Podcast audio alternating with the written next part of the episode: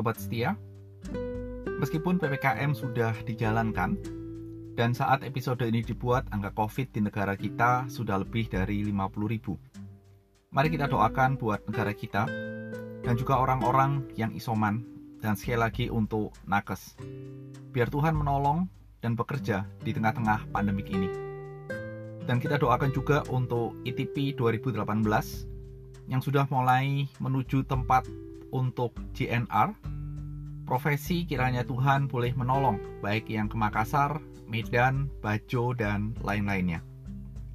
Hari ini kita akan merenungkan dari Lukas pasal 1 ayat 25 sampai dengan 38 dan saya akan memberikan sebuah judul Percaya saja atau dalam bahasa orang Indonesia Timur Percaya sah. Nats kita akan dibacakan oleh Farel mahasiswa profesi ITP 2017. Terima kasih banyak untuk supportnya dalam pelayanan SS Podcast. Kiranya Tuhan memberkati hidupmu dan juga mamamu serta ukom nanti engkau bisa lulus.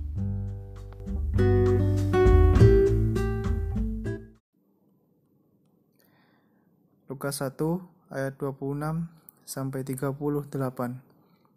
Pemberitahuan tentang kelahiran Yesus. Dalam bulan yang keenam, Allah menyuruh malaikat Gabriel pergi ke sebuah kota di Galilea bernama Nazaret.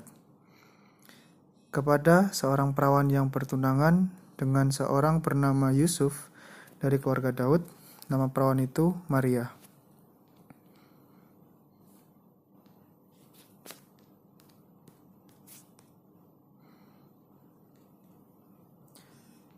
Ketika malaikat itu masuk ke dalam rumah Maria, ia berkata, Salam, hai engkau yang dikaruniai, Tuhan menyertai engkau. Maria terkejut mendengar perkataan itu, lalu bertanya di dalam hatinya, apakah arti salam itu? Kata malaikat itu kepadanya, Jangan takut, hai Maria, sebab engkau beroleh kasih karunia di hadapan Allah. Sesungguhnya engkau akan mengandung dan akan melahirkan seorang anak laki-laki dan hendaklah engkau menamai dia Yesus. Ia akan menjadi raja atas kaum keturunan Yakub sampai selama-lamanya dan kerajaannya tidak akan berkesudahan. Kata Maria kepada malaikat itu, "Bagaimana hal itu mungkin terjadi? Karena aku belum bersuami." Jawab malaikat itu kepadanya, Roh Kudus akan turun atasmu dan kuasa Allah yang maha tinggi akan menaungi engkau. Sebab itu anak yang akan kau lahirkan itu akan disebut kudus, anak Allah. Dan sesungguhnya Elizabeth, sanakmu itu, ia pun sedang mengandung seorang anak laki-laki pada hari tuanya dan inilah bulan yang keenam bagi dia, yang disebut mandul itu. Sebab bagi Allah tidak ada yang mustahil. Kata Maria, Sesungguhnya aku ini adalah hamba Tuhan. Jadilah padaku menurut perkataanmu itu. Lalu malaikat put, malaikat itu meninggalkan dia.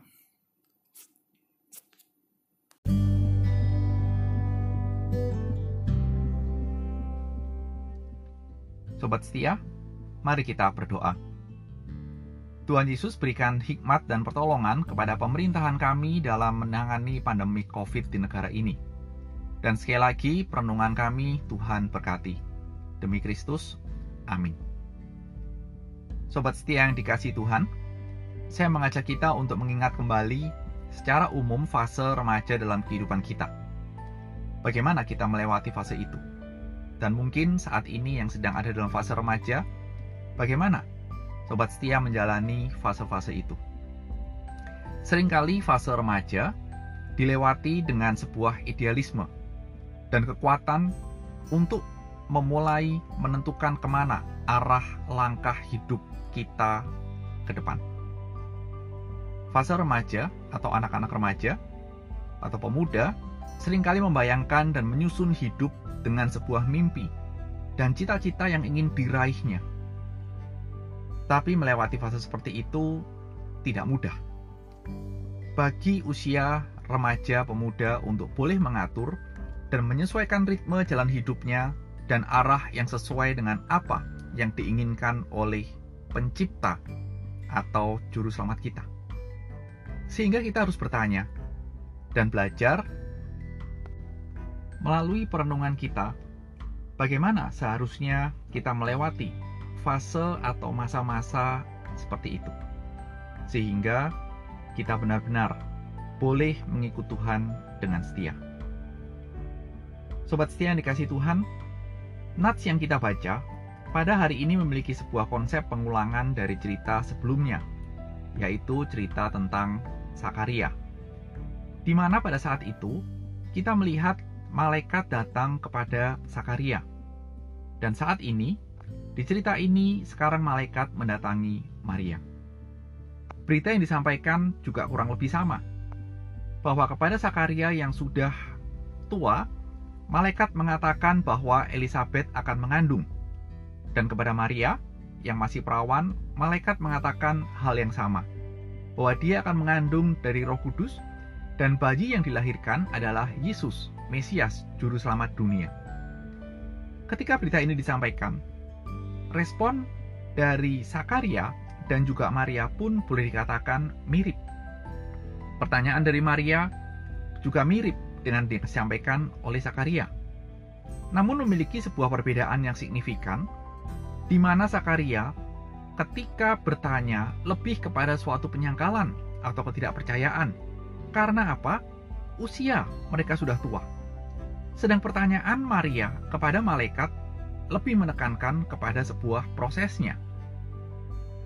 Bagaimana? Dan penjelasan dari malaikat secara khusus kalau kita perhatikan kepada Maria sangat jelas dan menekankan bahwa bagi Allah tidak ada yang mustahil.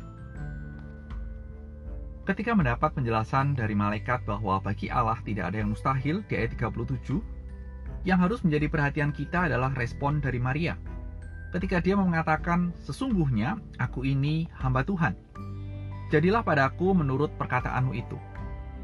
Sobat setia, ini bukan sekedar ucapan biasa.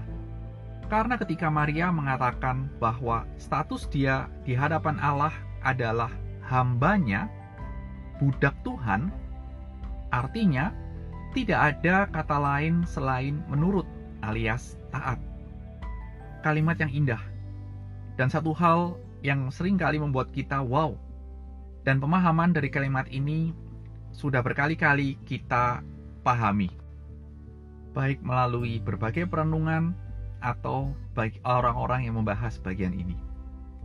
Namun saat ini saya ingin mengajak kita untuk melihat secara khusus berkaitan dengan background Maria. Bila kita melihat usia Maria yang saat itu diperkirakan 16 tahun, sebuah usia yang ada pada fase remaja, ada idealisme, fase yang penuh dengan mimpi dan cita-cita. Dan di tengah-tengah fase seperti ini, kemudian semua mimpi dan cita-cita seakan-akan dibelokkan oleh Tuhan atau diganti oleh Tuhan. Atau bahasa lainnya juga mungkin adalah tidak mungkin terjadi apa yang dimimpikan. Dan ini bukan suatu hal yang mudah. Siapa yang merasa ketika Tuhan menghalang-halangi semua cita-cita kita atau mimpi kita, kita dengan mengatakan, "Well, okay, I will obey." Atau kita cenderung berontak, bertanya, dan berusaha adu argumen dengan Tuhan. Siapa tahu Tuhan yang salah dan yang benar adalah mimpi dan cita-citaku. Sobat setia, Siapa pernah seperti itu? Dan Maria pada saat itu tahu bahwa ketika dia nanti mengandung, resikonya banyak. Keluarganya yang mungkin bertanya-tanya, belum menikah tapi kok mengandung. Masyarakat yang akan mencibir dan mungkin mengkucilkan. Kenapa? Sekali lagi, belum ada suami, belum resmi menikah dengan Yusuf, mengapa mengandung? Sehingga akibatnya adalah begitu banyak. Namun kita belajar ketika Maria meletakkan hidupnya dalam sebuah status yang jelas, definisi yang jelas, hamba Tuhan yang harus taat kepada Tuannya, maka tidak ada lain selain percaya saja kepada Tuhan. Percaya bahwa dalam ketaatannya, selebihnya di luar kemampuan kita, Tuhan yang akan mengatur. percaya bahwa Tuhan yang akan campur tangan dalam semuanya. Dan dalam bahasa eh, orang Indonesia Timur mengatakan, percaya sah, selesai. Lalu apa yang menjadi perenungan dan refleksi bagi kita? Sobat setia yang dikasih Tuhan, kalau hari ini Tuhan berkata, misalnya, Farel atau siapa pun, aku ingin memakai hidupmu untuk rencanaku. Dan sebagai akibatnya adalah rencanamu, keinginanmu harus tertunda dan mungkin bahkan tidak bisa dijalankan. Bagaimana jawab kita? Bisakah kita menjawab, aku ini hambamu, jadilah seperti kehendakmu. Sobat setia, percaya sah. Amin.